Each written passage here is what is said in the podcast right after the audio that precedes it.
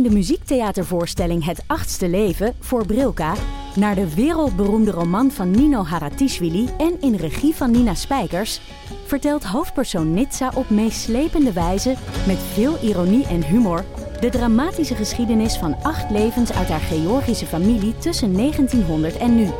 Een hartverscheurend en tegelijk troostrijk drama verteld vanuit het perspectief van vrouwen uit verschillende generaties. Waarbij het publiek meegenomen wordt op een emotionele, visuele en muzikale reis door de 20ste eeuw. Koop je tickets voor het achtste leven via oostpol.nl. In de podcast Radio Romano met Noortje Veldhuizen Met Marcel van Roosmalen. En met Roelof de Vries.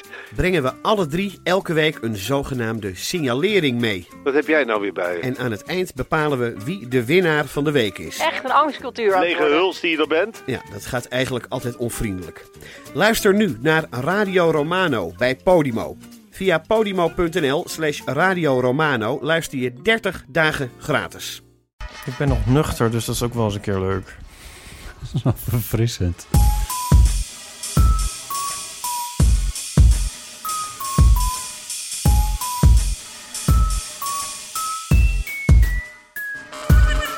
Welkom bij Deel van de Amateur, aflevering 159.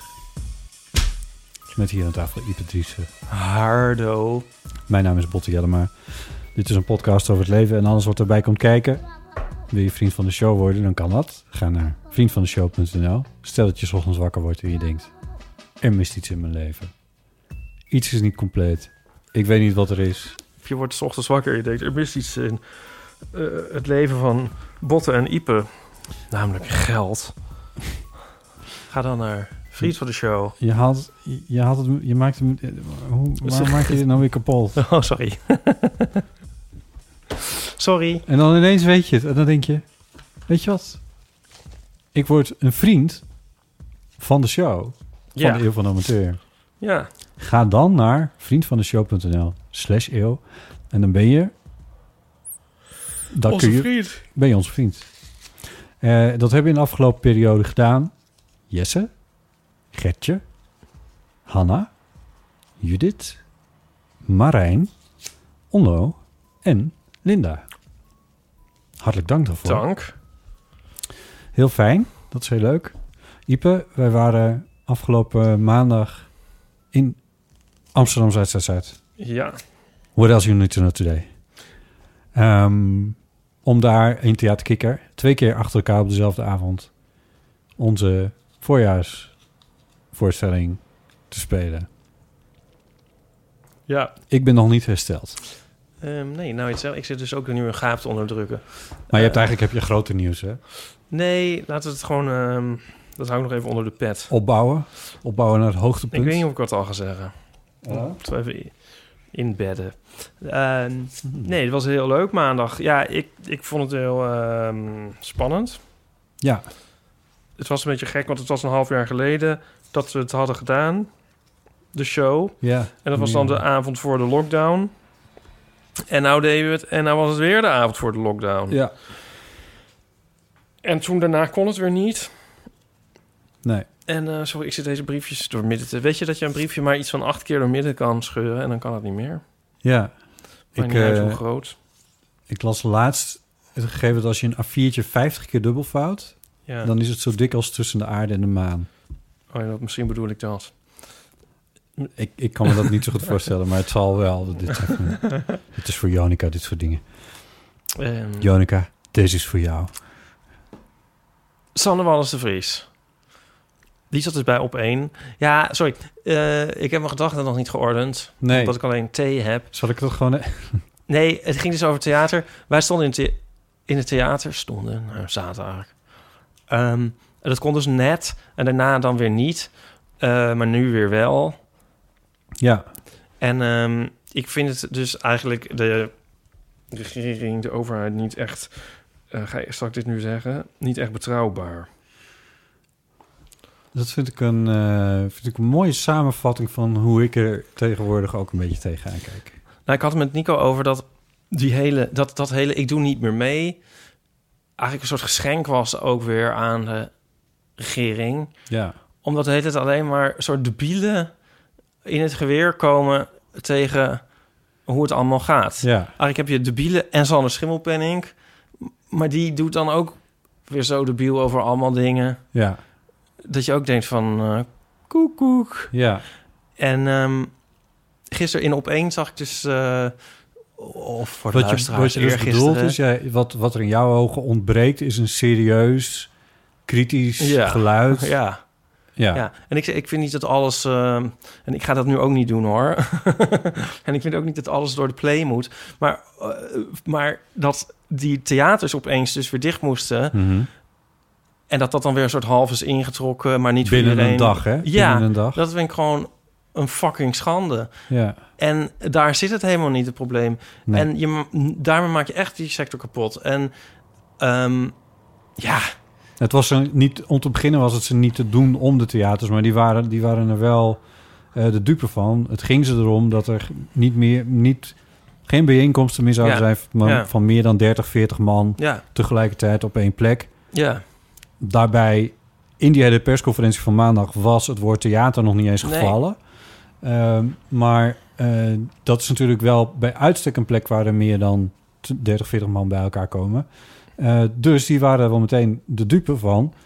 De dag erna, op dinsdag, werd duidelijk dat, eh, dat dat zo was. En toen werd er gezegd van ja, maar er kunnen uitzonderingen komen voor eh, culturele instellingen met een groot nationaal of internationaal belang. Wat natuurlijk een, wat echt een walgelijke tekst is en waar, waar je onmogelijk iets wel en niet onder kan scharen. Nee, dat is gewoon... En- dat, dat, dat- ik, ik ben geen Sydney Smeets, maar dat lijkt me ook een soort in strijd met een soort rechtsbeginsel. Ik heb geen flauw idee welk recht hier op van toepassing zou zijn. Volgens mij is dit beyond anything. Je kan toch Maar- niet zo hapsnap beslissen wat dan eh, opeens een, nationaal en internationaal belang heeft? Nee, dat gaat. Dat, en zonder is- het ooit vastgelegd te hebben. Nee. Maar de AFAS mag dus nu niet open schijnbaar, maar Carré wel. Ja, hoezo? Omdat de koningin wel eens in Carré komt, maar niet in AFAS? Nee. Koning. Ja, nou ja, goed. Ik ben in een aantal the- theaters geweest in de afgelopen periode. En als het ergens heel goed gaat. Ik ben zowel in filmtheaters als in concertgebouwen als in eh, theatertheaters geweest. En al- overal wordt er heel nadrukkelijk op die anderhalve meter toegekeken. Ja. Er wordt, Ja, Mensen- daar werden helemaal tureluurs van maandag. ja, dat was echt... eh, ik, ik moest me daar echt even van afsluiten op een gegeven moment... om zelf niet helemaal daarin te verzuipen. Maar dat hoeft ook niet, want er waren genoeg mensen die dat voor ons deden. En dat vond ik dus heel erg goed, dat dat gebeurde. Eh, maar bij andere theaters zag ik het ook. En in de bioscoop ook. Van het is allemaal netjes geregeld. En, eh, dus dat, daar is niet een probleem. Dat is niet waar de besmettingen plaatsvinden, als je het mij vraagt. Dat wil zeggen... Ik heb ook gezien hoe er in eh, Tilburg eh, die Willem II-fans bij elkaar kwamen. Ik heb de beelden uit de eh, voetbalstadions gezien en hoe daar mensen met elkaar omgaan en hoe het daar gaat. En, ehm, eh, en ik weet ook hoe het gaat in mijn Albert Heijntje hier in de stad. Dus ik, ik kan een hoop plekken aanwijzen waar volgens mij een groter probleem is dan in de theaters. En die moeten nou juist dicht. Ja, maar nou dan weer niet. Maar sommigen wel, en anderen niet. Nou ja, maar dat is dus precies net wat jij als Ja. eerste zei. Totaal onbetrouwbaar. Nou, het is gewoon heel vervelend, want je denkt dan moet ik nog een kaartje voor iets kopen. Ja. En je, Ja, maar dat is dus iets wel een theater. en ja, nee. Dus, Dat is afschuwelijk. Dat is voor een theater is dat vreemd. Ja. Er zijn nu dus waarschijnlijk mensen geweest die, nou, nou, weet je wat, we gaan maar niet. Terwijl die sector heeft het zo moeilijk. Ga Ja. in godsnaam wel. Koop Ja. dat kaartje. Ja, maar ik vind dat daar echt gewoon over na moet worden gedacht. En dat ze dat dan... Ja. Maar Ook, ook omdat ik, sorry hoor, ik val je een beetje in de reden, maar ook omdat ik zat nu dus van de week weer. Dit was een beetje mijn laatste deadline van maandag. eh, van grote dingen die er moesten gebeuren in de afgelopen periode. En ik zat hier dinsdag en woensdag, eh, s s'avonds, en ik had lekker niks. Dat vond ik eigenlijk wel lekker. Maar toen, toen dacht ik gisteravond wel van, nou, nu wil ik wel weer eens een keer een concertje zien. Of ik wil weer eens een keer naar de film. Lijkt me hartstikke leuk. En toen dacht ik, ja, maar als dat nou niet mag in de komende periode, dan word ik als iemand die in zijn eentje woont, die wordt helemaal gek. Ja, maar ik mag hier ook niet meer dan drie mensen uitnodigen, bijvoorbeeld. Met drie is al super gezellig, dus it's fine. Ja. Maar ik bedoel, ik wil er wel graag een beetje op uit af en toe. En dat kan. Nou ja, goed. Anyway. ja, ik vind dus vooral ook het, het, het van wel niet wel... dat st- stoplichtgedoe Ja, Dat stoort me dus het meest eigenlijk. ja. Want als je gewoon zegt, nou ja, zo, ja... Ja, plus, het moet wel hout snijden. Maar ik vind, wat me dus ook wel stoort, is dat er voor het nachtleven... ehm, ja. dat het, het ook het, dat het naar mijn gevoel ook niet serieus wordt genomen of zo. En, Nee. en een ander dingetje was dat wat Sanne Wallis de Vries zei, dat je... Sanne Wallis de Vries was bij, eh, op één te Ja, gast, hè? die, ja, ging... Samen met Job van den Ende. ja, ja. Ik heb het niet gezien, Maar maar je moet eigenlijk terugkijken. Het is een soort karikatuur van een... het was eh, van woensdag eh, der- 30 september. Ja. Dus ja. Zij zei ook van... En het is wel erg dat examenfeestjes niet doorgaan. Want dat vind ik dus ook zo vervelend... als het wordt zo ingevuld voor andere mensen. Zo van... Ja, wat maakt dat uit? Zo van, ja, ik heb Mhm. de oorlog meegemaakt... dus je moet niet zeuren dat je examenfeest niet doorgaat. Nee, dat is wel erg. Dat is wezenlijk. Ja. En ik vind dus ook met het nachtleven... zo van, je ontmoet gelijkgestemden. Ja. Weet je wel? Het is niet, het is niet alleen maar... eh, Een extraatje of... eh, een- nee, ja. het, ze- je kunt gewoon door in psychische nood komen. Maar, nou ja, dat, dat irriteert me. ja. Maar ik weet niet waarom ik nou eigenlijk dit politieke van... dat wil ik eigenlijk hou, wil ik dat helemaal niet. Nou, maar toch heb ik wel zin om er nog iets aan toe te voegen. Oh. Dat is namelijk dat ik... Knip maar nou ja, knip nee, alles nee, dat gaan we niet doen. Nee, maar eh, bijvoorbeeld, het, eh, eh, bijvoorbeeld de, de LGBT plus scene... die is ook er aan elkaar gesodemieterd. Ja. Wij hebben elkaar gewoon... In tegenstelling trouwens tot voetbalclubs en voetbalsupporters... hebben wij elkaar niet gezien op grote bijeenkomsten. Onze Pride ging niet door. Tilburg, Roze Zaterdag ging niet door. En Willem II mocht wel in eh, Tilburg. eh, op, waar was Bram de Wijs die dat eh, een heel mooi Ja. tweetje samenvatte. Zo van, oké, zullen we Roze Zaterdag dan ook nog even inhalen daar? Ja. Eh, en waarom gebeurt dat niet? Omdat Willem II supporters er dan zogenaamd mee dreigen... om dan elders in de stad alsnog bij elkaar te komen. En daardoor mag het dan wel. Ja, dat is iets wat de homo gemeenschap niet zo snel zal doen. Maar ergens heb, je dan, heb ik dan toch ook... staat er een soort rebelletje in mij op dat dan zegt van... nou, misschien moesten we dat dan maar eens een keertje wel doen. En het is toch... Ja, ik, ik, ik ben dus niet iemand die heel vaak uitgaat... maar ik, zelfs ik mis dus het homo-uitgaansleven. het is er gewoon helemaal niet meer. Het bestaat gewoon niet meer. Nee. Nou ja. Maar Sanne Wallis Vries had het goed verwoord in ieder geval. Ik vond het wel goed nam die, nam die eh, eh, positie in tegenover ehm, de regering of tegenover Joop van den Ende? Nou, Joop van der Ende, die zat dus een beetje... die vond het allemaal wel prima. Eh, dat was een beetje opmerkelijk. Maar het was ook nog wel grappig dat hij er zo, eh, om maar een woord te gebruiken, geborneerd bij zat. En een soort onderuitgezakt als een soort, soort oude wijze man. En dan vond ik dus ook wel leuk hoe ze daar doorheen walste. Sanne Wallis. Sanne de Vries. Ik kreeg Adriaan van, dit is nog het woord. Toen zei ze van, ze was, ze was helemaal worked up, maar ik vond het wel gewoon wel leuk. Wat zei ze dan? Adriaan van Dis dat er dus voor een ander onderwerp voor daarna. En toen gingen ze ook aan hè, en zo. Ja, eh, ging ze dan. Hoezo moet, wat moet hij dan? Ah, hij komt toch straks nog wel aan het woord. Wat ik heel goed, leuk. En toen was het nou het laatste woord is aan Joop van der Ende. Ja, waarom moet hij het laatste woord hebben? en zo zat ze. Het, Zo lekker. Ja, inderdaad. Ja. Ja, oh, heel goed. Ja. Ah, Eh, ja. ah, ik ik, ik, ehm, ik zie wel tegen deze winter op, hoor. Ik vind het meestal al, al niet echt leuk als er bladen vallen, maar holy fuck. Ja, ik vind dit weer wel lekker met die mist en zo. Nou ja, het hoeft voor komt een mij enorme rust over me heen. geen eh, 30 graden te wezen. Dat vind ik ook, dit vind, dat Het is vind ik nooit goed. Het is, ja, nou ja, goed. Hier kun je kleren op kopen. Een winterjas bijvoorbeeld. Maar, een, eh, eh, maar, eh, nee, maar het uitzicht dat, dat dan alles straks dicht is... en dat we een winter lang niks mogen... dat, dat je niet in de cafeetjes mag of zo met meer dan zoveel man... en dat je dan op terrasjes moet en dat je er om tien uur wat uitgeknikkerd. Ik weet niet, ik weet niet zo goed hoe ik me dat allemaal moet voorstellen. Nee, nou ja. eh, Een beetje vroeg beginnen. solitair. Ja. Patience. Ehm, Ja. Maar, maar, maar... ja. Nou, ja, oh ja. En een ander ding was dus ook nog met bruiloften. Ja, het ergert me toch wel... Het ergert me toch wel echt... Ehm, de kerkelijke bruiloften mogen, mogen dan wel... met honderd mensen. Ja. ja, mogen die met honderd mensen? Ik geloof het wel. Of heb ik dat nou weer een keer begrepen? In ieder geval was er dus ook volkomen verwarring over de bruiloften. Ja. Want we mochten dan nog maar met vier. Je En was er toevallig op een. Toevallig was ik er dus één op woensdag... Ja. waar er zes mensen zouden zijn. of eigenlijk dan zeven. Ja, je hebt ook nog een ambtenaar. Ehm, Joe en Jules gingen trouwen. Ja. Fantastisch is. Ja, En, gefeliciteerd. ook langs deze weg. Ja, en Barry en ik waren getuigen. En de ouders van Jules. Ik weet niet of dit allemaal eigenlijk privé-informatie is. En, ehm, Nou, het stond allemaal op Instagram, dus Oh, ja. ik denk dat het wel en losloopt. toen eh, was het dus van maandag van... ja, er mogen maar twee mensen bij. Je kan dan trouwen en dan mogen er twee mensen bij. Nou ja, Ja, nou ja. En dan later van nee, ja, toch niet. Oh, toch wel. Ja, weet ik veel. Nou ja, maar dat, wij dachten ook een beetje van... nou ja, we zien wel. Maar ja, dan denk ik van... als je het nou... ja, Anders bedenk je het eerst voor je het ja, naar buiten brengt. ja, Of zo. ja. Hugo de Jonge. Wat een kwal is dat. Het is verschrikkelijk toch? Het is niet te geloven, die man.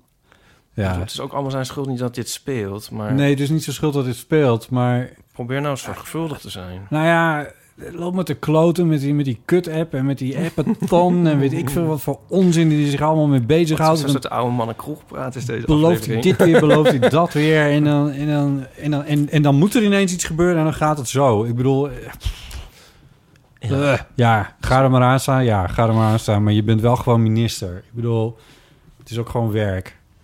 Ja. Een beetje zorgvuldigheid eh, wordt van ons ook verwacht. Ik heb een spijt van het hele onderwerp. Maar goed, het is een beetje oude mannen kroegpraat. Maar Dan houden we erover op. ja. Ik heb nog genoeg andere dingen. Oh, gelukkig. Ehm Manoy, die ehm, eh, belde mij nog met een leuk nieuwtje. Eh, want, zo zei Manoy, ehm, de voorstelling Faust, working title, is dus opgenomen op video. Ja. Daar was al sprake van. Dat is inmiddels ook geregisseerd door hen. Eh, dat wil zeggen, Manoy en Lysenka die, eh, zijn er samen mee bezig geweest. Eh, de dirigent en de regisseur. En vanaf aanstaande zondag, dus dat is dan uit mijn hoofd 3 oktober, 4 oktober, 4 oktober, ehm, is dat een maand lang te zien via DNO of zoiets, maar daar kom je wel uit, op, op YouTube. DNO is Nationale Opera. Dus, Een maand lang. Ja, dan haal ze er weer af. Oh. Het is natuurlijk best wel een dure productie. En ja, vraag me niet waarom. Ik zou zeggen, zet er wat reclame voor en achter en dan verdien je er nog wat mee. Maar goed, ik ga er niet over. Eh, een- na een maand halen ze het weer offline. Maar ja, goed. Dus, maar dat is dus je kans om, eh, mocht je het niet gezien hebben en denken... hé, hey, ik heb die eh podcastserie van Botten gehoord... of ze hebben het er in de eeuw zo vaak over gehad... dan kan je... vanaf zondag kun je dus op de YouTube's kun je het alsnog even zien. Het is natuurlijk maar een weergave van, maar toch. Dat is het voordeel van video. Er zit een oude reclameslogan van een televisie. Nee, is Oh. pietje. Ehm, Oké, eh, dat waren volgens mij wat ons wat de afgelopen week. Oh ja, de zoal kikker. bij Eh, leven de kwam. kikker was echt Oh. superleuk. Je bent nog niet uitgekikkerd. Ja, Toch? Ja, dat werd ik even afgeleid van- met, door mijn eigen rant. Maar dat was leuk. ik vond, Bedankt het dus, voor het komen. ik vond het dus heel. Ik vond het en heel zwaar en heel leuk om twee voorstellingen achter elkaar te spelen. Eh, want we speelden eentje om half tien en eentje om half eh, acht.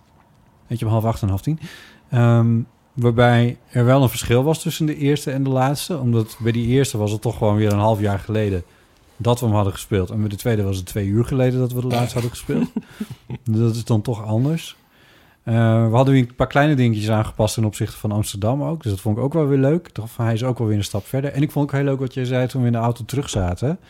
Eh, van ja, nu we hem weer twee keer gespeeld hebben... is het ook weer jammer dat we hem niet nog vaker spelen. Want je merkt toch dat hij gewoon weer groeit... als je het weer een keer gedaan hebt. Ja. Maar gelukkig gaan we hem 19 januari nog een keer spelen. Ja, aan de Aan vooravond. Vooravond van de derde lockdown. Precies op tijd voor de derde golf. Ja, 19 januari in eh kantine Walhalla in Rotterdam. Ja. Dat is dan weer de laatste eh, voorstelling voordat alles weer op slot gaat. ja. Ehm, dus nou, zorg dat je daarbij bent. ja, ja. Walhalla is nu helemaal dicht. Dus ja, nou ja, fingers crossed. Ik hoop dat dit maar goed komt. Ja. Anyweetjes. En die weetjes. Er heeft iemand een eeuwfoonberichtje achtergelaten. Een soort nagekomen bericht over de theatershow. Oh, nou, dat is dan wel in eh is dat niet leuk om even naar te luisteren? Ja. Wil je de tune van de eeuwfoon eerst ook nog? Of zeg je van, doe dat maar later, want er is nog een andere Oh, dan doen we dat later bij die volgende eeuwfoon. Eh, hoi, Boet en Ipe. Eh, met Anna. Ik was net bij jullie live-uitzending in Utrecht, de tweede. De voorstelling. Ehm, en na afloop heb ik heel even Botte gesproken. En daarna liep ik heel snel weg, omdat ik nog een trein moest halen terug naar Zwolle. En ik heb nu altijd het gevoel dat ik ergens sta waar ik in de weg sta, gewoon per definitie. Ehm, omdat ik ook heel graag wel bij iedereen uit de buurt wil blijven, omdat ik leraar ben. En dat is allemaal, ja, ik voel me gewoon heel erg een risicogroep. Ehm, en toen liep ik weg en toen heb ik überhaupt Iper niet gesproken, omdat ik het niet durfde. Dus ik weet niet of dit een bericht heel geschikt voor de podcast, maar op de weg terug in de trein heb ik altijd opgeschreven wat ik eigenlijk had willen zeggen. Ehm, dus, dus ik dacht, ik spreek even een bericht in, anders dan ga ik het nooit meer zeggen. Um, het was sowieso een hele goede voorstelling. Het was echt precies alles wat, je, wat, ik had, ja, wat het had moeten zijn, denk ik, van een eeuwvoorstelling. Dus Hm. dat was dankjewel daarvoor. Ehm, en ik kwam echt helemaal niet uit mijn woorden om met Botte te praten, omdat het heel raar is om met iemand te praten waar je echt zoveel uren naar zit te luisteren. Eh, dus dat was ja, een beetje raar. Ik had ook met Nico staan praten, dat was ook al echt bizar. Ehm, dus dat. En ik wou nog zeggen dat ik het boek van Ipo echt heel erg goed vond en dat heb ik helemaal niet meer kunnen vertellen. Ehm, het was heel herkenbaar en dat is heel prettig. Want het helpt gewoon om dingen eh, te lezen die je herkent. Ehm, omdat het is soms, ja, nou ja, het is soms een beetje moeilijk. Ik denk gewoon überhaupt als je twintig bent, is zijn dingen moeilijk. Dus dat is heel fijn. En het helpt om de podcast te luisteren, omdat dan het helpt om dingen in je hoofd normaal te krijgen, van je wil weten wat het normaal is. Alleen als om je heen iedereen andere dingen doet en dat ze wel tegen je zeggen, ja, het is normaal om andere relaties te hebben, om anders leven te leiden. Ehm, maar dat is niet hetzelfde als dat je twee mensen erover hoort praten waarvoor het normaal is. Dat heeft echt zoveel meer invloed.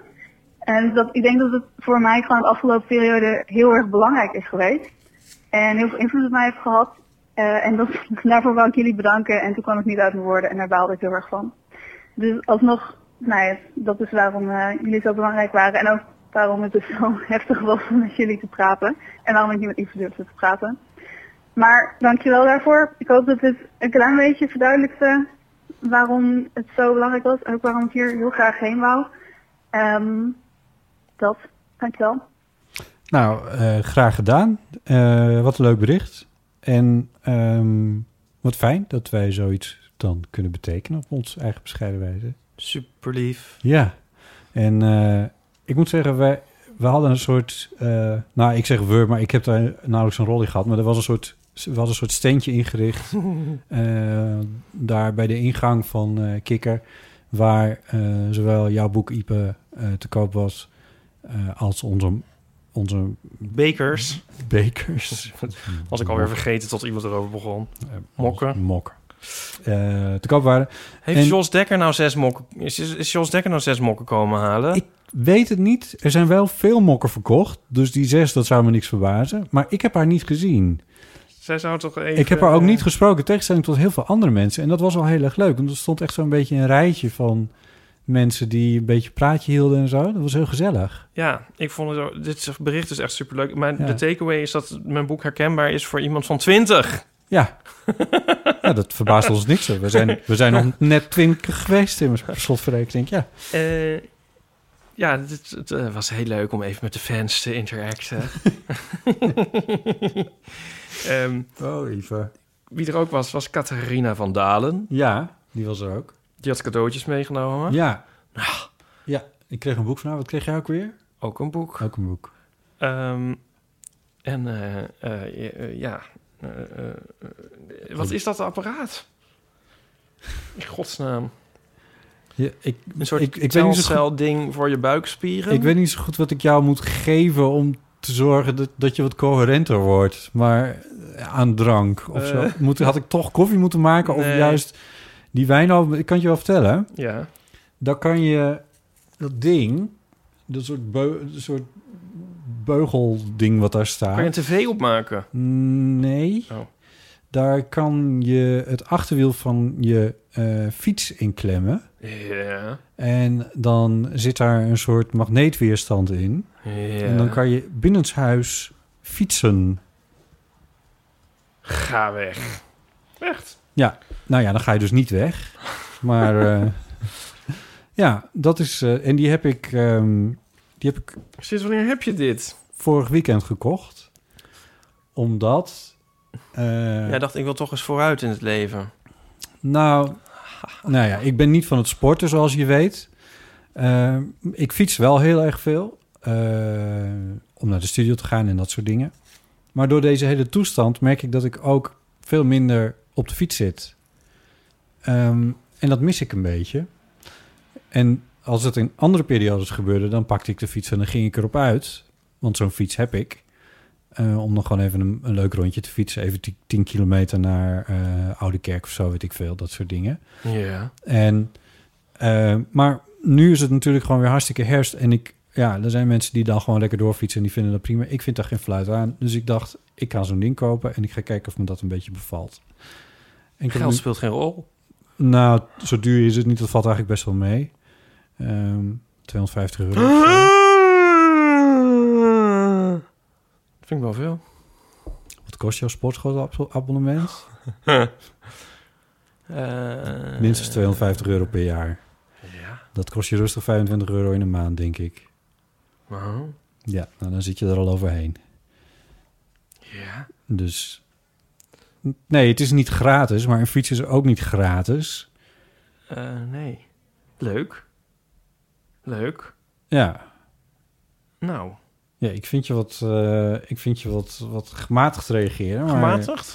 Ja, ik bedoel... Het, Wat had ik, hoe moet ik dan Eh, reageren? Nee, it's fine, maar Ehm, even, doe even de jingle met de engelen. door je, door je, je, je kreet bij die 250 euro klinkt het toch een beetje alsof ik een enorme miskoop heb Oh begaan. nee, ik gewoon een hoop geld. Nee, dat, was, dat stond niet in. Dat was niet per se een kreet over de, ehm, ja, de geldigheid van de investering. Ja, Maar meer over de absoluut, het absolute getal. Ja, weet ik veel. het Nee, absolute ja. getal, ja. Weet je wat een het gitaar van, kost? Ja, nee. Ja, Oké. dingen zijn niet goedkoop in het leven. Nee. Nee. Dat- ja, Nee. Nee. Heb je ook... Nou nee, ik, nee, ik ga niks meer zeggen. dat is wel het idee hè, van een podcast. dat je Oh, wat ja. dingen zegt. Ja, nee, grappig. Die heb je dit weekend gekocht. Ja.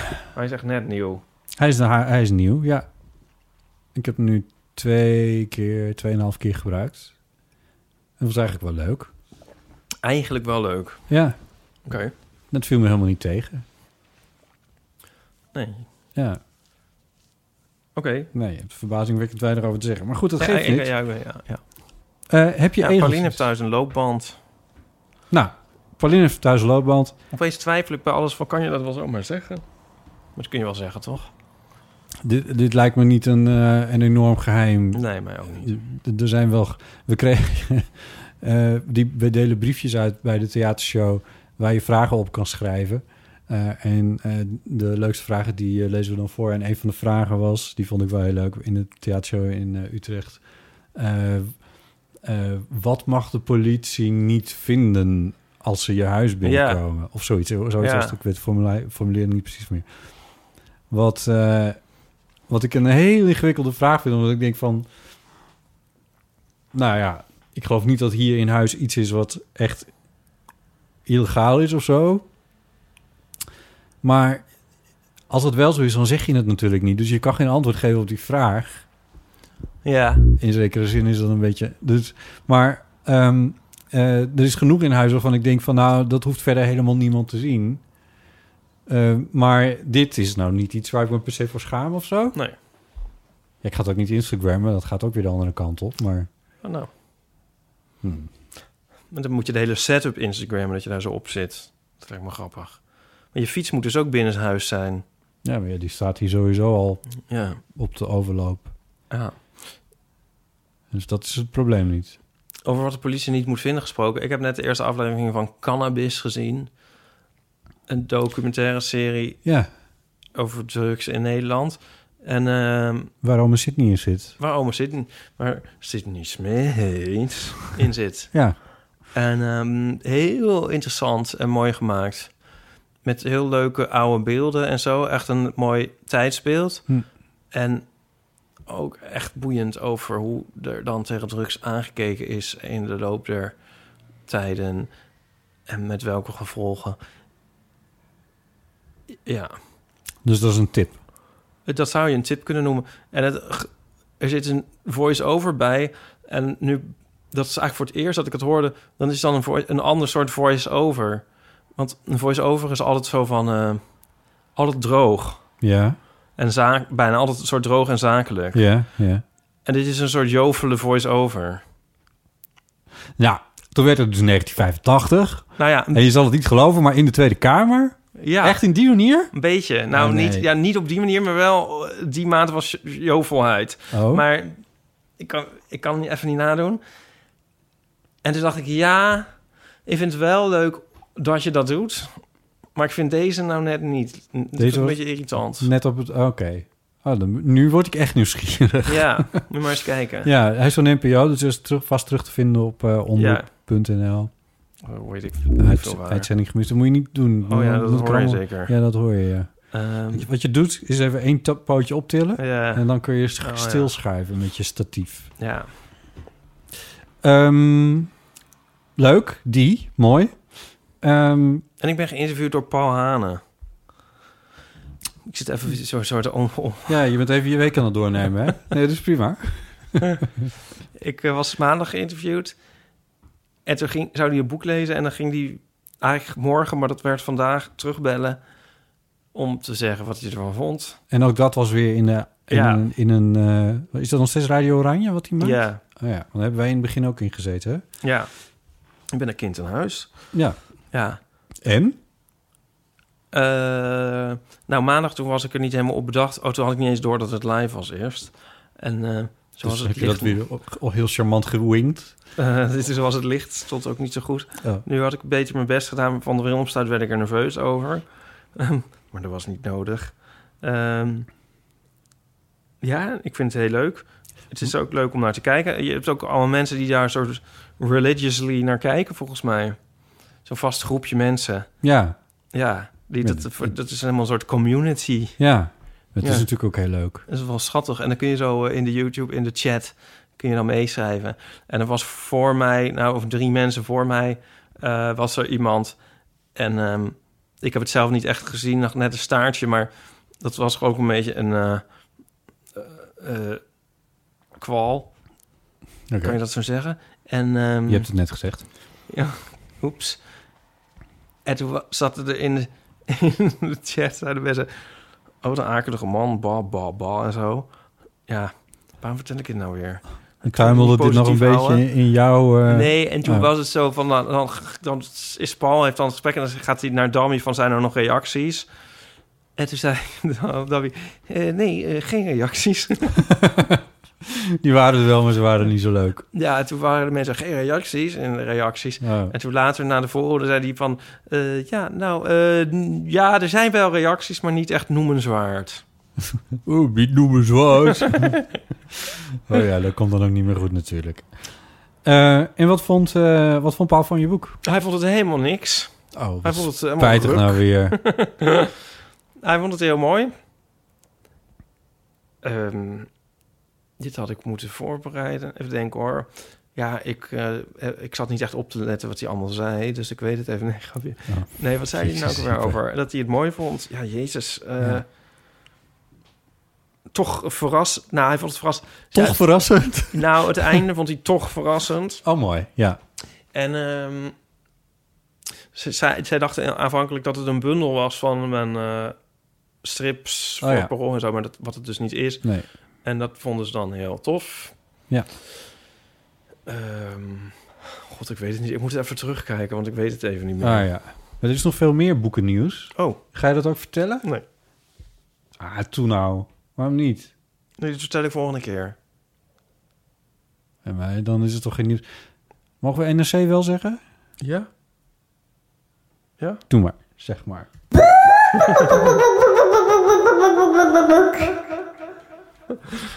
Die echo ook.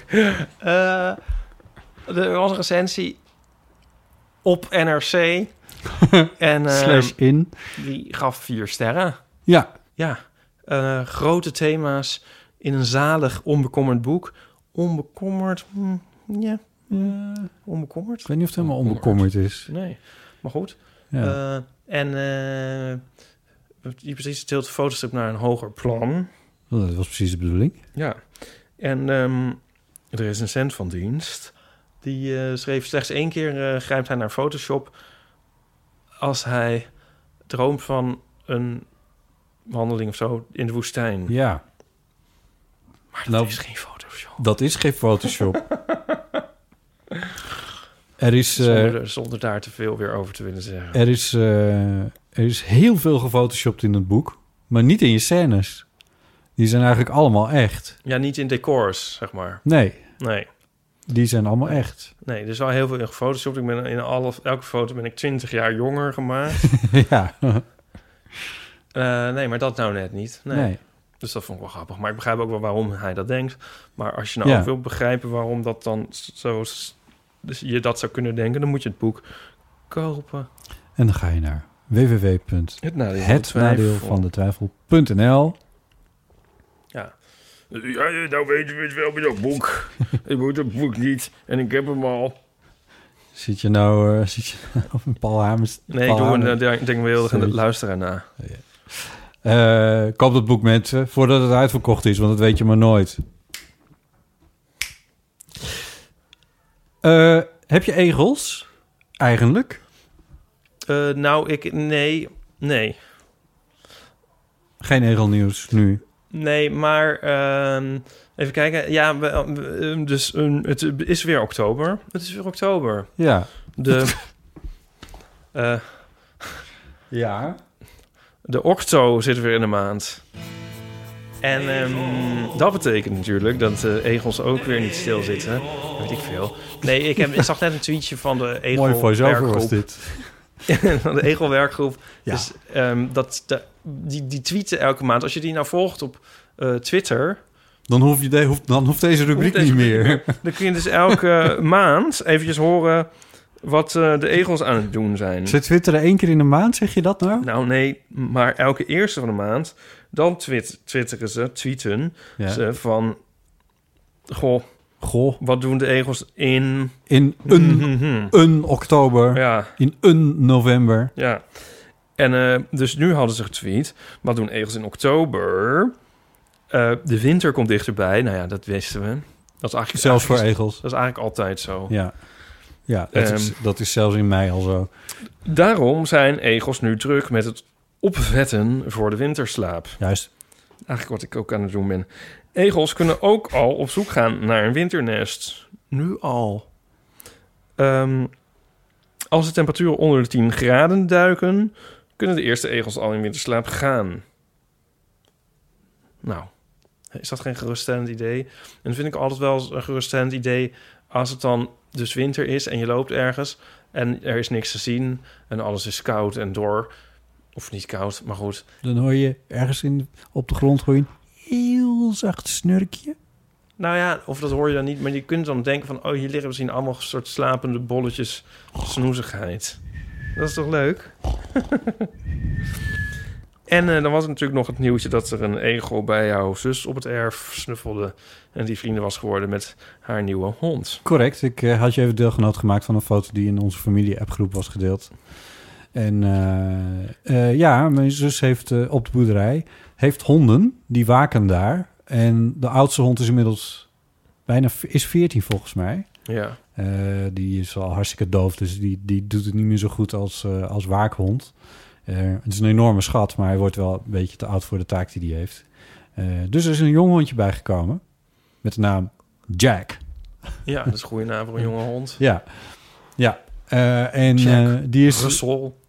eh, ik weet niet wat voor type het is, maar ik, ik, dat heb ik nog niet gevraagd. Ik heb zelf ook nog niet gezien. Ehm, maar mijn zus is hem aan het trainen. Dus eh, gewoon wat je met een hond traint. Dat, is, dat doet zij zelf. Dat kan zij heel erg goed. Ja, Ja, dat heeft ze bij heel veel honden gedaan onderhand. Dus dat is heel erg leuk. En dat hondje dat was zo lekker aan het snuffelen aan de stekeltjes van een egeltje dat daar zat. Ja en die egel leek wel gigantisch op die foto. Ja, dat was een forse... Ja, maar dat had ook te maken met dat hondje eigenlijk best nog wel klein is Ja, volgens mij. ja. Ja. ja. Ehm, er is een post Ja, binnengekomen. oh ja, dus je kan dan... eh, dus dat volgt trouwens op... eh, eh, op de handle... Wat? De handle Oh, Egelwerkgroep. Twitter. Ja. Juist. Ja, de Twitter-handle. De Twitter-handle. Ja. Dan hoor je elke maand weer hoe het er nou weer voor staat. Ja, ja, nou, er is vast ook een nieuwsbrief waar je op kan abonneren. Oh ja, je wil je niet weten. ja? Wil post? I, nou, of thee, wacht van, ik. Eh, van Geeske heb ik post. Oh ja, dat willen we dan wel. Lieve hoe gaat het met jullie in Code Rood Amsterdam? Ik hoop dat jullie in goede gezondheid zijn en dat Ipe nog steeds euforisch is over het succes van zijn boek. Ik zit deze week in zelfgekozen thuisquarantaine. Kees kwam afgelopen zondag niet fit uit bed. Beetje verkouden, zere keel, erg spierpijn. Wat te doen? We zouden naar Hilversum vanwege de verjaardag van onze schoonzoon.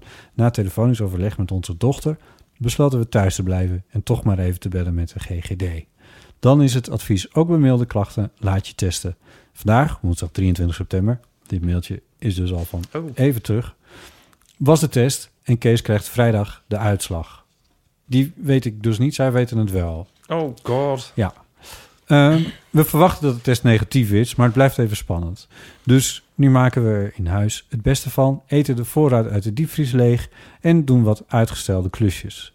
Waar ik nu dus heel verdrietig van word, is de tweedeling die nu in ons land ontstaat en dan die actie van die zelfbenoemde BN'ers. Ik doe niet meer mee. Ze hebben hun oren laten hangen naar meneer Engel, de deskundige van viruswaanzin.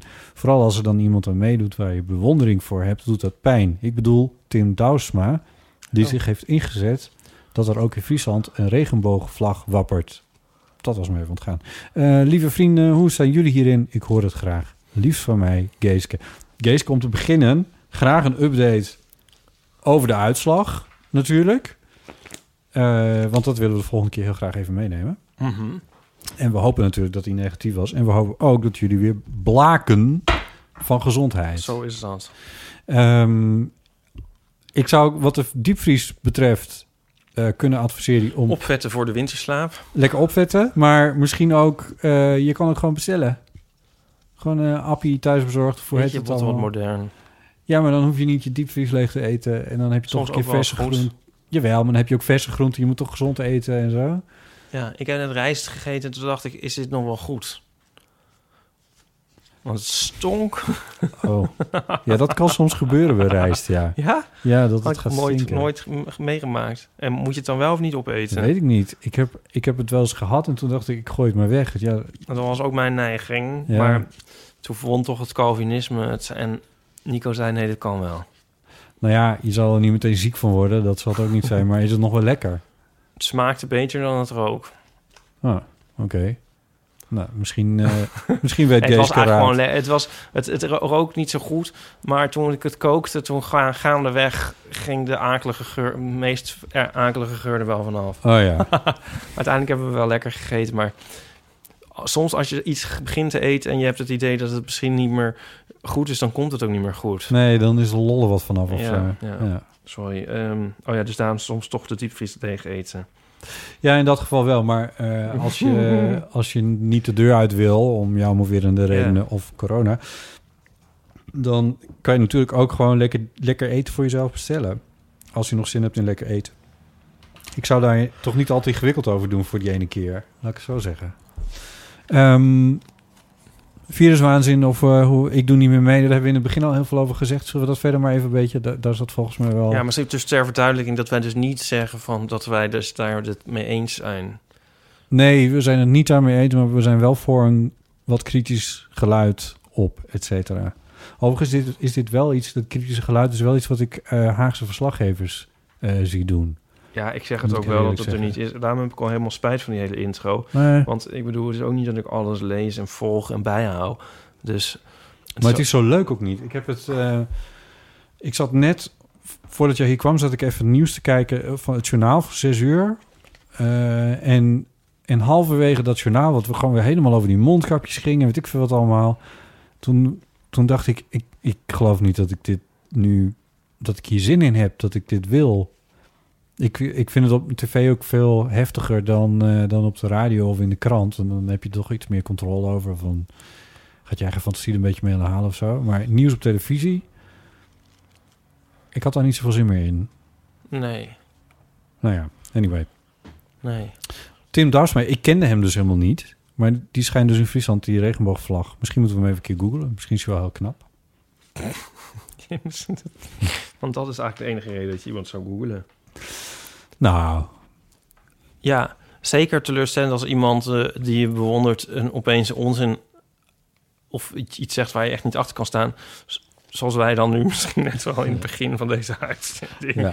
En, en al Ehm, die 52 keren dat jij over Morrissey bent begonnen natuurlijk. Eh, ja, dus eh, nee, daarom, daarom zeg ik eigenlijk ook nooit zulke politieke dingen.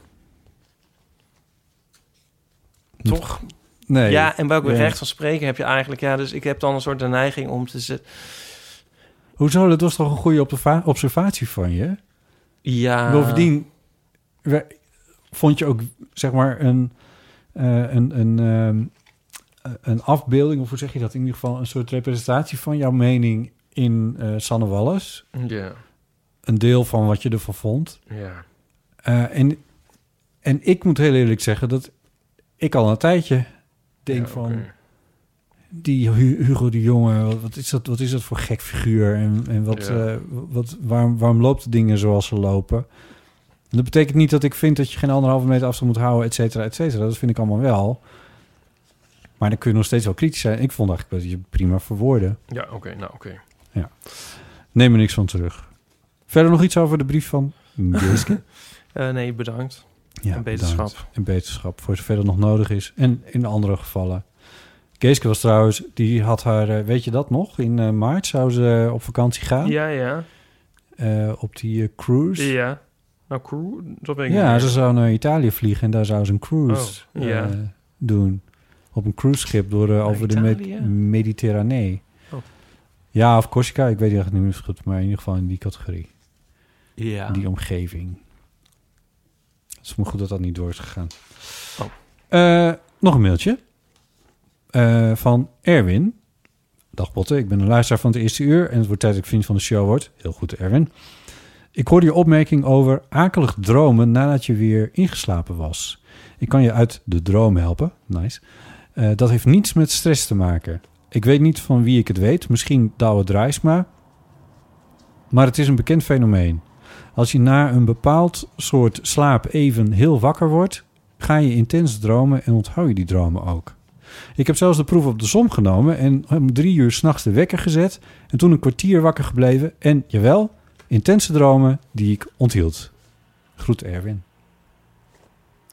Dus dat is niet een lucide droom... maar dat is wel dat je dan heel heftig gaat dromen... en dat je het dan gaat onthouden. Ja. Moet je ook maar net zin in hebben. Ja, ik eh, heb er meestal geen zin in, dus ik zou er wel vanaf willen. Maar ja, goed. Dat is, eh, soms lukt dat als ik heel moe ben, dan slaap ik gewoon lekker door en dan heb ik geen last van. Eh, oh, deze heb jij erin gezet. Oh, laat ik die maar even Oh, voorlezen. nee. Oh nee. Voor de geheime namen die soms in je hoofd blijven hangen, club, waar Botten niet bij mag. Nee. August Hans Den Boef. Was getekend Sarah Molinari. Ja. Blijft ook lekker hangen, hoor ik vaak. Nou, ik voel hem wel weer. Ja. Ik voel hem wel. August Hans Den Boef. Einde van de club. Wat ben jij jaloers op, de, op onze club? Ik ben niet jalo- Nou, doe de thee-jingle. Oh, oké.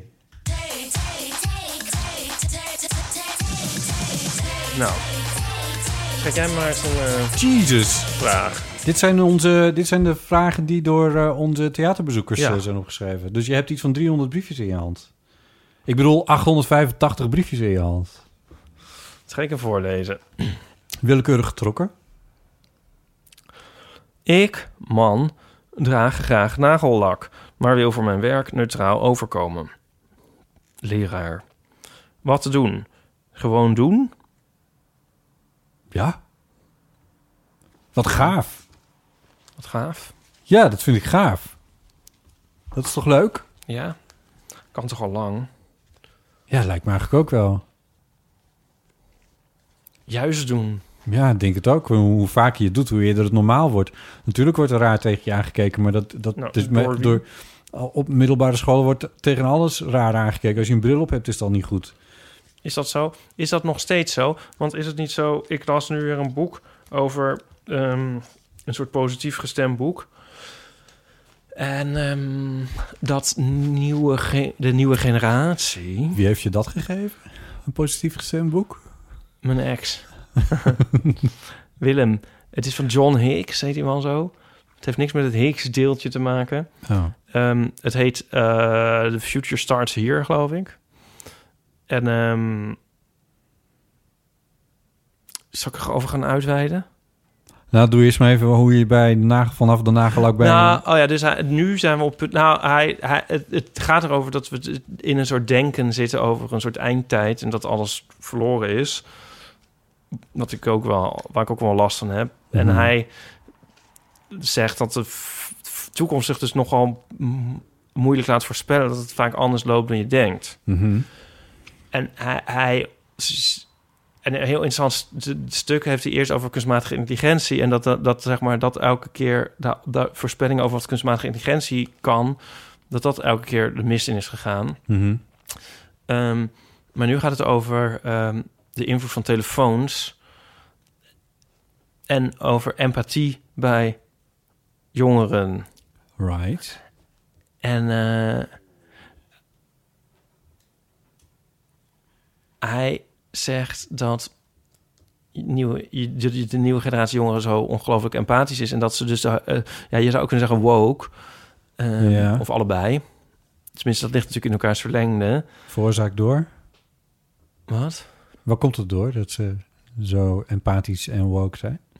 Nou, hij denkt dat het kom- komt doordat... ehm ik moet het nu ook even reconstrueren. Mhm. Ehm, hij zegt dat de jeugd het duurt eigenlijk steeds langer. Ja. En mensen soort spelender wijze leren ze. En alles is soort veiliger. Maar daardoor zijn... v- voor, voor moest je nog oppassen dat je een klap kreeg, zou ik maar zeggen. En eh, onder de tram liep en zo. En dat is allemaal eigenlijk steeds minder aan de hand. En nu is dus... ehm, is taal, zeg maar, een grotere factor. Dus je kunt... Vroeger was het idee meer van... eh sticks and stones my, break my bones. Eh, maar woorden die doen niet echt pijn. Ik bedoel, woorden zijn maar woorden. Ja. Maar dat is, dat is nu minder. Dus woorden zijn nu, nu waar je echt voor beschermd... Zo, er zijn heel Ja, beschermde ja. opvoedingen, dus je moet op... Dus jongeren nemen veel meer eh, aanstoot aan woorden. Ja. Het is niet zomaar dat iets dat even gezegd wordt. Misschien ook omdat ze blijven staan. Ja. Eh, dus in al, het, zij interacteren veel, dus door de telefoon. Ja. En dus je is- hebt niet zomaar, als je een gesprekje hebt, dan kun je het ook nog nalezen. Dus iets in de heat of the moment, dat wordt heel groot. Dus ze zijn daar steeds gevoeliger voor. Maar daardoor ook dus groter empathisch. Goh, ik weet Ja. toch nog wel redelijk... Ja. eh, ik heb het toch echt gelezen. Wat een eh, interessante take. Dat op, is een heel eh, interessante take. Want als je dus daar gevoelig voor bent, dan kun je dus ook... Als je dus, hij had het voorbeeld van de film The Breakfast Club. Dat die film dus eigenlijk... Dat als je die laat zien nu aan iemand van 16 of zo... mhm. Het was een soort zo'n rebelse film. Dat je- dat, die, dat mensen nu helemaal appalled zijn en denken van... Jezus, eh, die held is helemaal niet de held van het verhaal. Die zit de hele tijd, die is een soort ongewenst intiem. En is een soort bully. En eh, ze doen heel kut tegen een jongen die een zelfmoordpoging heeft gedaan. En zo, en die moet daar een beetje achterblijven en het, het strafwerk doen. Ja. En zo, dat komt helemaal niet meer aan bij deze generatie. Nee. Ehm, maar nu ben ik dan toch- toch eindelijk wel de draad van mijn eigen verhaal kwijt. Wat wil ik met de... Oh ja, dus hij zegt... Maar ik, ik bedoel, ik zit er niet zo in... Ik bedoel, ik, ik, ik spreek ook niet de hele wereld. Maar dat dus... ehm, nou, en een voorbeeld hiervan ook... is bijvoorbeeld de acceptatie van... eh, fenomeen als eh, transseksualiteit... is dus ook opeens eigenlijk... veel groter geworden. Hmm. En ehm, dat idee heb ik ook wel, maar ik kan het ook niet echt met cijfers staven. Maar goed, het komt dus... Oké. Ehm, en ehm, dus ik vraag me dus af of eh, leerlingen in de klas het nou heel erg moeilijk gaan doen over een leraar met nagellak. Ja. Ik denk dus minder dan in misschien 10 of 20 jaar geleden. Dat je dus misschien eerder in de docentenkamer daar iets over te horen krijgt dan in de klas. Maar dat kan ook nog deze briefschrijver nog bedoelen. Ja. Nou, briefschrijver heet Het dus een briefjesschrijver, briefjesschrijver. het, het briefje schrijver. Dat zou hij ook nog kunnen bedoelen. Dat is waar. Dat staat er niet bij. Of het gaat om de leerlingen Nee. of om de collega's. Maar in ieder geval, het, ehm, ik, heb, ik geloof wel dat als ik een boek lees... maar misschien laat ik me meevoeren door die positiviteit van een boek... en ik zit niet in een, in een schoolklas Ja, en zo. Nee, maar je, dat- bent, je bent zo'n eeuwige optimist, dus dat speelt natuurlijk ook een rol. Maar goed, ki- kinderen komen ook dus vroeger uit de kast en zo. En dat was toch... Is dat zo? Jawel, dat is, dat is wel echt zo. Oh, nou, dat, ik, maar Al tot eh, op de basisschool aan toe. ik denk dat het wel uitmaakt waar die school staat... en ook wat voor, wat voor school het is, want dat weten we ook niet. Ja. Eh, of dat een Nee, basis, generally speaking. Maar ik zat op een in- school met, met 800 mensen. Er was één jongen uit de kast. En die was ook nog 19. En, er wa- en eh, ik bedoel, dat was op 800 mensen. Dat is volgens mij Nee, dat niet slaat meer in de. Randstad. Ja. Toch? Nee, dat, dat, nou, dat weet ik niet. Ik, ik kom weinig op scholen. Maar ik denk dat het wel uitmaakt of het een eh, christelijk, christelijke basisschool in Barneveld is... of dat het een eh, lyceum in Utrecht is, eh, stad. Eh, dat maakt natuurlijk wel een beetje verschil voor hoe de situatie is. Hoewel ik ook een keer een theorie heb gehoord van een, ehm, eh, een kennis van mij... die docent is op een van die grote Amsterdamse licea, wat is het meervoud? Ehm, en die zegt, die heeft gezegd, een paar jaar geleden is dat al, die zei van het eh, uit de kast komen op, op, op zo'n lyceum in een grote stad is misschien ingewikkelder en wordt moeilijker over gedaan dan op het platteland. En zijn verklaring daarvoor was, ehm de, of platteland, Jesus, in ieder geval buiten de stad. Hij zegt bijvoorbeeld in school, in de school, eh, zeg in, eh, in, Platteland, is dat niet meer... een in- kun je dat niet meer zeggen? in Alkmaar of, of, eh, of weet ik veel waar. En, en, en in Noord-Holland, daar... Ja. eh, eh, eh, wat voor plaatsen heb je daar allemaal? Eh, daar wordt er minder ingewikkeld over gedaan... omdat, ja, waarom zou je daarover lullen? En dat is dan zo en dan is het klaar. Terwijl bij... Op zo'n lyceum moet er dan over gepraat worden. En dat is dan een ding. En eh, dat is dan groot en belangrijk. En eh, dat was zijn take daar. Ik, ja, goed. Ik zit niet tussen de 16-jarigen, dus ik weet niet hoe dat, eh, hoe dat valt als je dat tegenwoordig op school zegt. Ik heb wat dat betreft niet, geen idee. Ik hoor wel eens verhalen over eh, van een andere vriend van mij die voorlichter is bij het COC en die wel eens bijvoorbeeld in Amsterdam West op die in, in Nieuw West bij die scholen op eh, ROC's ook staat. Die zijn iets jonger, volgens mij zijn die 14 of zo als eh, COC voorlichting geeft. Eh 14, 15, 13, 14, 15. Eh, en die zegt ook wel van, nou, daar worden de meest vreselijke dingen geroepen over homo's. En eh, zo makkelijk is dat nog niet per se om daar uit Nee. de kast te komen. Ik denk dat dat heel veel uitmaakt. Kunnen we het hier volgende week ook nog een keertje over hebben trouwens? Ja, dat klopt. Want, Dan is Johan Goosens er. ja, cabaretier, schrijver, maar ook, eh, ik geloof, oud-docent Nederlands. Ik geloof dat hij inmiddels niet meer is. Nee. Maar hij heeft eh, een jaar of wat eh, Ja. aan een Amsterdamse ROC ook heeft hij eh, les gegeven. Ja. Dus is misschien ook wel interessant om een keertje met hem erover te hebben. Hoe nou, goed. Ehm, maar nagelak. eh, als, nou ja, misschien zijn er wel leraren onder ons, eh, of leerlingen zelfs, onder onze luisteraars. En kunnen die laten weten wat, hoe het bij hen op school zou zijn als een man met nagelak, docent, op school komt. Is toch leuk? Zou toch leuk zijn om te horen? ja, ik wil er wel meer Ja. over horen. Mail dan naar uh, botten.eeuwvanamateur.nl of je kunt natuurlijk ook gewoon bellen naar onze eeuwofoon en dan kun je dat mooi inspreken op 06 1990 68 71. Want een eh, mooi, eh, mooi dilemma. Misschien is dit al opgeschreven een half jaar geleden trouwens. Dat zou best kunnen. Toch? Is de acceptatie weer alweer veel verder? Alweer een half jaar verder? Zou zomaar kunnen. ja. Ehm, what else do we have? Oh ja.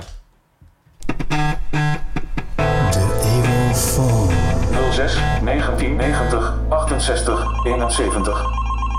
Weet je nog hoe wij vorige week op eh Wear Sunscreen kwamen? Nee. Ik ben het ook vergeten, maar het ging over dat lied Ja. en over Baz Luhrmann. Ja. Diederik heeft daar Diederik, Diederik Broekhuizen. Diederik Broekhuizen. Ik, ik vergeet het als zo maar zeggen. Diederik Broekhuizen. Eh, die heeft er een Oké. beetje over ingesproken. Bring it on. Dag lieve eeuw. Eh, hier Diederik Broekhuizen op straat. En er racen misschien wat auto's voorbij, sorry daarvoor. Maar eh, jullie hadden het over Best Lerman's Everybody's Free. Dat is echt mijn lievelingsnummer. En recent heb ik daar een podcast over geluisterd. Ik dacht ook dat het Best Lerman was bijvoorbeeld. Maar het is niet eens Best Lerman. Eh, er zijn allemaal fun facts over dit nummer. Zo is het dus niet Best Lerman die dit zingt, maar eh, een, een andere man die dat ingesproken heeft. En het is niet een tekst van Best Lerman, maar het is eh, geschreven door een Mary Smith. Die het publiceerde in een krant. In Australië geloof ik. En vervolgens is dat een hele rare weg gaan leiden. En eh, hebben mensen nog een tijdje gedacht dat het van een schrijver kwam, Kurt Vonnegut. Nou ja, het is echt een heel bond verhaal. Dus er is een hele leuke podcast over. Maar dan kan je natuurlijk ook gewoon op Wikipedia kijken. En dan, nou ja, eh, Sunscreen of Everybody's Free van Bess Lerman is echt mijn lievelings. En ben het dus gewoon überhaupt blij dat je het even over hadden. En als mensen niet dit als lievelings hebben, of omdat ze het niet kennen, draai het nog een keer inderdaad in de eeuw Spotify lijst. Want er zitten zoveel wijsheden in dat prachtige nummer eh, gebaseerd op Mary Smith. Want laten we die de eer geven die zij verdient. Oké, nou goed, is het plezier met de podcast en zo. En eh Ego for Life. Egels voor life. Eh, dankjewel, Diederik. Ehm, de podcast die Diederik hier waarschijnlijk over heeft gehoord... is Switched on Pop. Eh, dat is een hele leuke podcast van Fox met een V. eh, over eh, popmuziek, over muziek in het algemeen. Waar, eh, waar dit nummer in is besproken. En niet alleen in is besproken... maar ze hebben ook gebeld met Bas Lerman van... hoe zit het nou? Hoe, Heb jij dit geluisterd? ja, ik heb dit Oh. even teruggeluisterd. Hoe zit het nou? Hoe, hoe is dat toen gegaan? Ze hebben ook gebeld met die Mary, die het als column heeft geschreven voor een Ja. krant ooit. Ja. Al, al jaren geleden. Ja. En, ehm, en hoe dat uiteindelijk op een heel gekke manier een, een lied is geworden. En waar dat allemaal vandaan komt. Dit is een fantastische aflevering. Nou, leuk. Ja, ik weet die Kurt Vonnegut connectie heel goed, want ik ben natuurlijk fan van Von- Vonnegut. Natuurlijk. Net als Jonica Smeets. Ja. Eh, en het is een heel erg Vonnegutiaanse tekst. Ja. En Maar- in de pre-internettijd was dat wel moeilijker dan vast te stellen of dat wel of niet zo was. Ja, en dit is dus op de rand gebeurd van op de rand van dat internet wel Ja. en niet bestond. Ja. Dus het was een soort van eerste ehm, ja, Ja. internet meme of, of Ja, eh, nou hoax, of hoe je het wil noemen. Ja. Eh, want er werd inderdaad, ging het gerucht aan dat het, dat het Kurt van der Good was. En Baz Luhrmann kwam op die manier er ook bij. Ja. En toen heeft hij dat uitgezocht. En toen bleek dat dus niet zo te zijn. Maar toen vond hij dat hele gegeven dat het Van de Good zou kunnen zijn geweest... vond hij zo leuk dat hij dat er een beetje in heeft gehouden. ja. Nou ja, het is echt een fantastisch verhaal. Ik weet ook weer hoe we erop kwamen, want ik, ik eh, moet haast wel dat ik de quote... Ik, er is altijd één quote in het nummer, wat ik altijd gebruik. Don't read fashion magazines. Ja. They will only make you feel ugly. Baz Luhrmann schrijft- zegt daarover... Well, I still read fashion magazines. Ja, Ik, dat is echt iets wat ik echt niet meer doe. Of niet, eh, als ik het al deed, maar vroeger wilde ik daar nog wel eens naar grijpen. ja. Maar sinds dat nummer, ik, dat, daar, dat, die, die waarheid, die zie ik zo enorm onder ogen. Ja, oh ja, oh, Ja. mooi. Ja. Eh, ik heb de CD-single. CD-singles for life. Dat is, eh, dat is dan een, een, eh, een bijzondere aankoop. Is dat zo? Ja, want er was niet zo makkelijk aan dat nummer te komen. Mm, Het is niet op een album verschenen bijvoorbeeld. Is dat zo? Alleen op verzamelaars. Oh, ik zal eens even kijken of hij... eh, ik, ik heb het idee En dat Dan zal ik je nu... is. Dit, dus nu voel je je bijzonder. Nu ga ik iets zeggen waardoor je je iets minder bijzonder gaat voelen. Eh, van dat nummer zijn, bestaan verschillende versies. En dan bedoel ik verschillende talen. Maar dan bedoel ik ook... eh, dat er wordt aan het begin van het nummer wordt een jaartal genoemd. To the class Oh ja, of... weet ik veel. of- Ja. Ze hebben dat jaartal... eh, volgens mij is het eh, eh, 97, 1997 wat ze zeggen. De class of, of ne- eh, eh, 97 of zoiets. Ik weet niet. 99 denk, zou ik denken. Class of 99. Ze zijn daarmee door. Ze hebben ieder jaar hebben ze gedaan. Dus 2000, 2001 tot en met 2007 Ja. bestaan er, bestaan dus versies van het nummer tot en met 2007. Oh. Oké, Mocht de want podcast luisteren denken, wat klinkt Ipe afwezig? Hij zit in zijn telefoon. in, in Discord even te checken. Hij is een whopping 4 euro waard geworden, mijn CD-single. Kijk, Ik, ik, ik, dat lijkt me wel moeilijk, want als je zegt... eh, class of 99, wear sunscreen, maar class of 2007. Ze laten het horen. 2000, dat loopt toch niet? Ze laten het horen, dus je kan het horen. Oké. Switch dan. Oké. Het, is een, het is echt een eh, leuk kanaal om je te abonneren, op te abonneren. Ehm, Als je onze podcast uit hebt. als je ons uit hebt, dan eh, is de, dit is dan een... eh, oh, wacht even. Dit is... eh, dit is een jingle. over een half uur na deze jingle gaan we verder met de Eeuw van de Amateur. Ja. Oh. Alright. Nou, dat werkt toch wel, ja, die jingle even. Ehm, er is ook een 12 inch. Waarom heb ik die dan niet? Ik hoor het al, je bent weer... eh, Ik heb bent- die, eh, dat is, eh, ja, die heb ik, ik heb mijn CD-single dus in opslag. wat moeten we nou met die Ja, informatie? ik vind dat nou niks, maar ik bedoel, wat moeten we iemand met iets in deze aflevering? Maar ik vind dat dan zo, zo, zo irritant dat ik dan denk van, als ik thuis ben, dan pak ik die even erbij. Het staat gewoon op Spotify. Staat het op Spotify? Ja, het staat op Spotify. En er staat ook de B-kant van de CD, er staat de remix op Spotify. En ik wil even de credits nog weer eens even bekijken Och, en dat arme ding in mijn hand houden. Ja, precies. En een foto sturen aan Diederik van... hey Diederik, ik heb, de, ik heb de CD single al. Hè, Egels for Life. En dan, en, dan moet ik, en dan heb ik hem niet. Oké, ja, oké. nou, de B-kant staan inderdaad ook op Spotify. maar goed, hoe moet ik nou een selfie sturen met de CD-single aan Diederik? Hè? Heb je dat al bedacht? Nou, hij, hij was in je opslag, dus je kan het sowieso niet doen. Nee, daarom. Maar dat vind ik jammer. Het loopt een beetje dood alle verkeerde dingen heb ik in opslag. Ja, je moet een groter huis. Ja. Jonica zou waarschijnlijk zeggen van... je moet ook even dan reclame maken voor Koert Vonnegut... want ik merk dat die ook een beetje rusty is geworden bij jullie. Ehm, dus Ben- ik vraag me eigenlijk af of alle uh, Wie is jullie? Jou en Diederik. Ik vraag me eigenlijk af of alle luisteraars... of die allemaal wel helemaal... eh Up to speed zijn met, Kurt, met ja, hun Kurt van de to- Of ze die Up to speed met Kurt. Kurt. Met Kurt. nieuwe rubriek. Up to speed met Kurt. of ze dat recent hebben herlezen. Of ze dat recent hebben herlezen. Ik, ik, ik vraag me af of ik überhaupt ooit iets van... Nou, dan zal ik een boek ik aanraden. ken zijn stijl wel vrij goed trouwens. Zal ik een boek aanraden waarmee je zo kan beginnen? Ja. Ehm, want daar ben ik zelf ooit mee begonnen. Wat, wie is hij? Wat doet hij? Leeft hij nog? Ja, moet ik het dan moet ik het Ja, weer... come on. Eh, ja. Ja, Nee, maar dan weet ik weer niks. Ja, nee, ik ga het wel zeggen. Nee, hij is dood. Het is een Amerikaan eh, en het is een schrijver. Ja. Ja, en ehm, zijn bekendste werk is Slaughterhouse 5. Hij, Ja. was, or- or- hij was een, eh, een prisoner voor, hoe heet dat? Een, eh, in Dresden. In, eh, In Duitsland. ja, en getuige van de vuurstorm die daar ontstond door het geallieerde bombardement. Right, oké. Hij is geboren in 1922, dus toen was hij een jaar of 22 dat hij daar zat, waarschijnlijk. Nou ja, ja, ja, 23, 22, ja, Ja. ja, Eh, hij is overleden in 2007, ja. dus dat is ook nog vrij recent. Nee, ik, ik, ik heb Nee, hij is best wel oud. Hij is best wel Ja. oud. Hij is oud geworden, ja. Ja. ja, nou ja, ja, nee, niet verkeerd. Eh, hij is een romanschrijver of is hij een eh, non-fictieschrijver? Dit weet ik dus niet. Roman. Ja. En, ehm, maar hij heeft ook veel, veel geschreven over schrijven, dat dan weer wel. En eh, hij schrijft heel erg humoristisch. En hij gebruikt heel veel science fiction elementen in zijn boeken. En nou, hij schrijft over de condition humaine. Hij heeft een vrij zwarte humor, maar wel een geestige.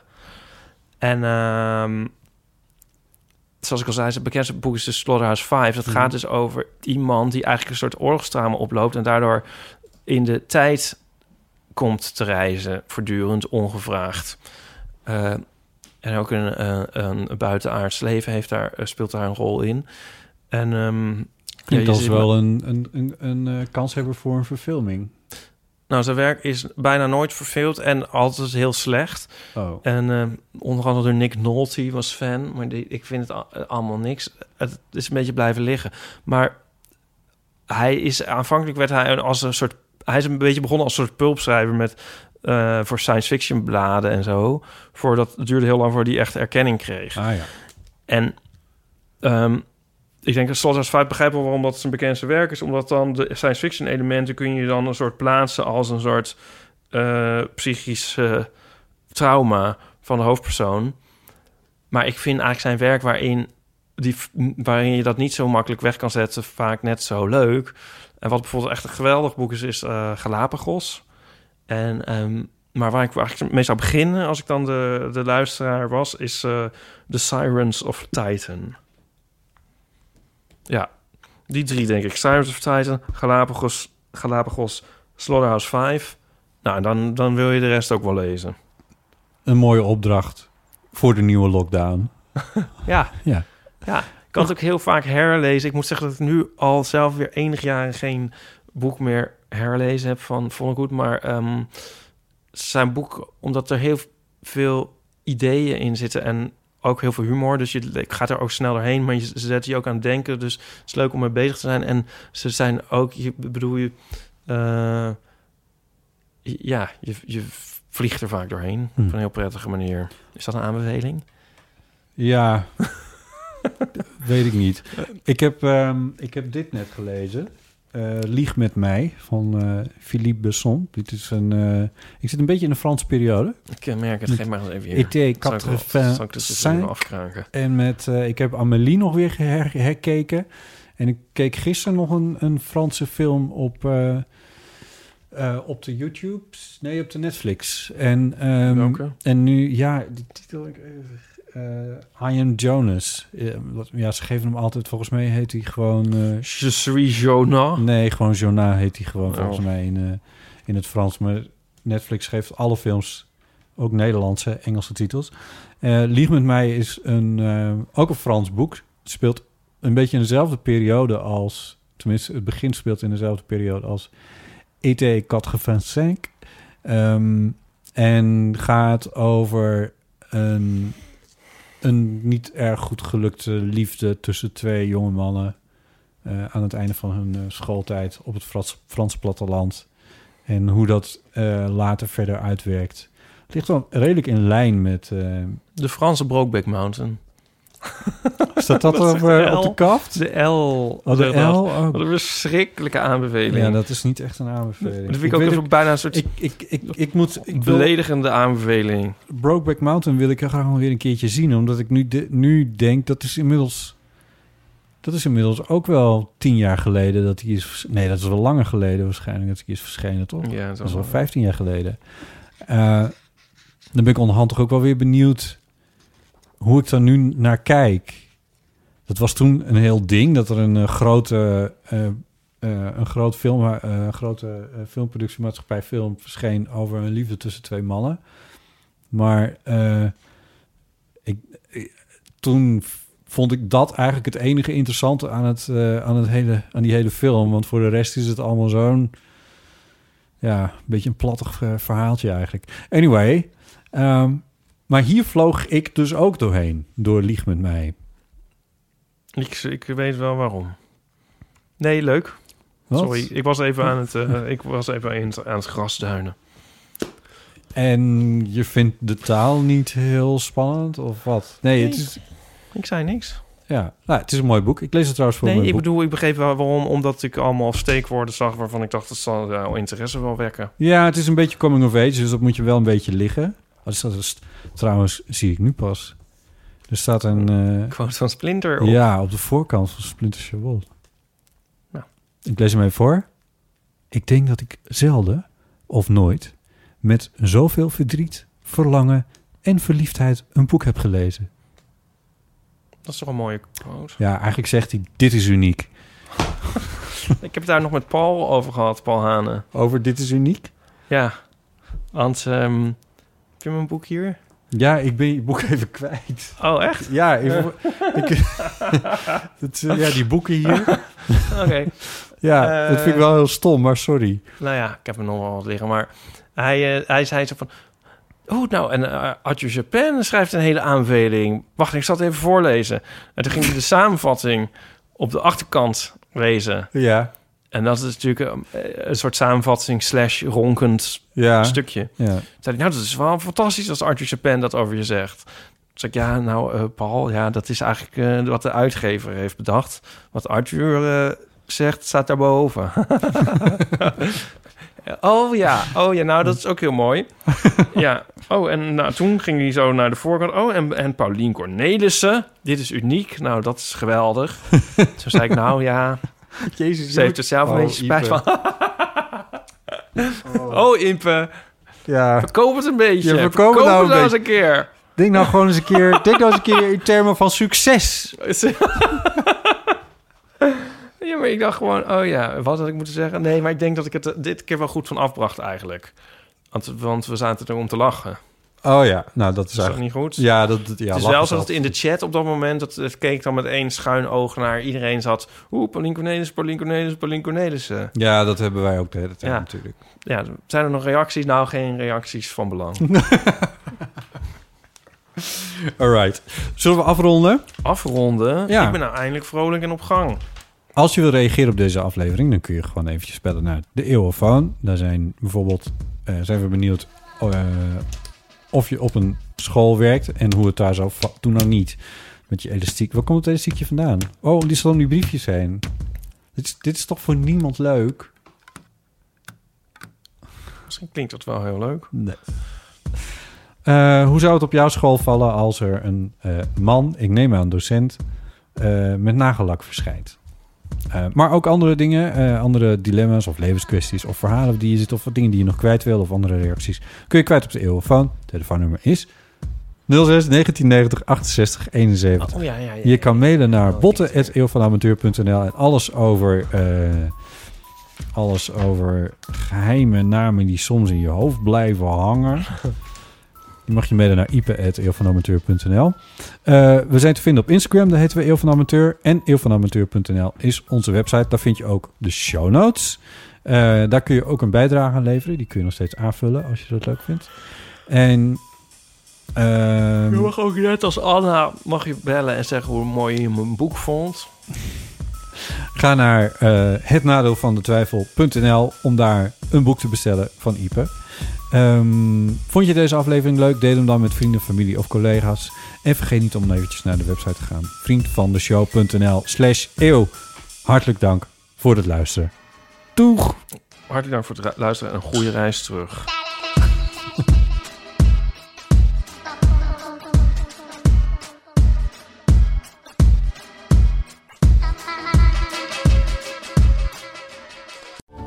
Over die grootse en epische muziektheatervoorstelling. Het achtste leven voor Brilka is een marathonvoorstelling van 5 uur.